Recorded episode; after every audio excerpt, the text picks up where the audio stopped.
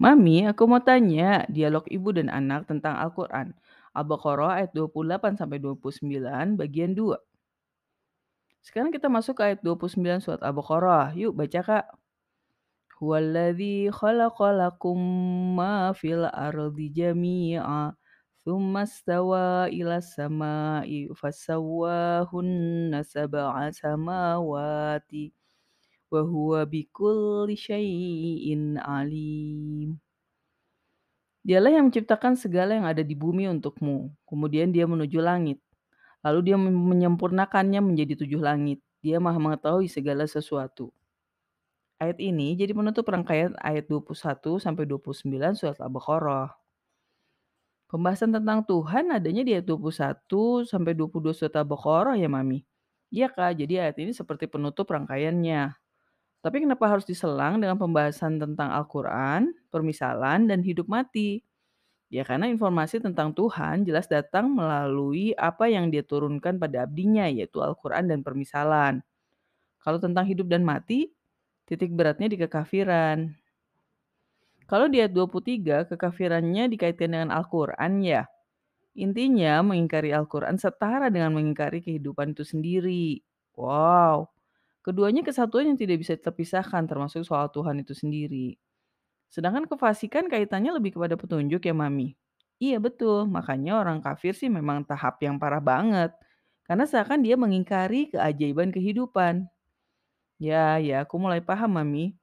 Pada ayat 21, Allah Subhanahu wa taala menggunakan kata menjadikan ketika membahas bumi sebagai hamparan dan langit sebagai atap. Pada ayat 29 ini fokusnya pada apa yang ada di bumi ya. Iya, Allah Subhanahu wa taala menggunakan kata menciptakan semua yang ada di bumi untuk manusia. Apa berarti bumi tidak diciptakan khusus untuk manusia, Mami? Belum tentu begitu, hanya saja memang tidak dibahasakan begitu, Kak.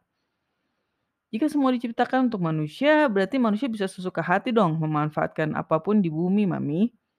Iya, dengan catatan berbuat kerusakan di bumi akan ada implikasinya dengan bagaimana kita meraih petunjuk Tuhan. Hmm, berarti kita harus menjaga bumi ya, Mami. Karena kehancuran bumi itu sudah pasti, tapi jangan sampai bumi dirusak sebelum kiamat tiba, Kak. Kasihan keturunan kita ya, Mami.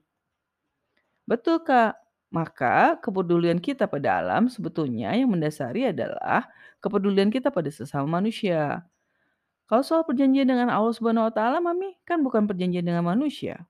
Setiap perjanjian itu sebenarnya antara kita dengan Allah Subhanahu wa taala dan pastinya efek manusia lain. Jadinya ya pasti kaitannya balik lagi ke soal kepedulian sesama manusia. Apalagi soal memutuskan apa yang diperintahkan Allah Subhanahu wa taala di ayat 27 ya, Mami. Yep. Harus diingat ayat 21 adalah ayat pembuka Al-Quran. Jadi kumpulan ayat 21 sampai 29 adalah bahasan yang paling mendasar untuk memasuki gerbang Al-Quran.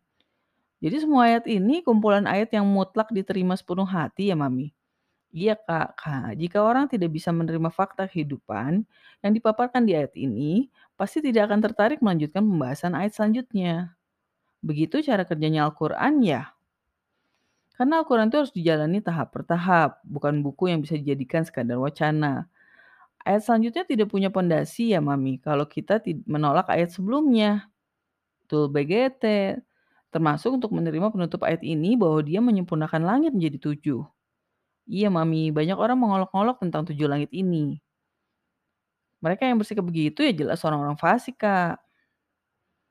Mengapa ayat 29 ini tutup dengan pernyataan bahwa Allah Subhanahu wa taala atas segala sesuatu paling mengilmui? Hal ini menegaskan tentang kekuasaan Allah Subhanahu wa taala dalam penciptaan. Konsekuensinya, Allah Subhanahu wa taala mengilmui semua hal yang diciptakannya.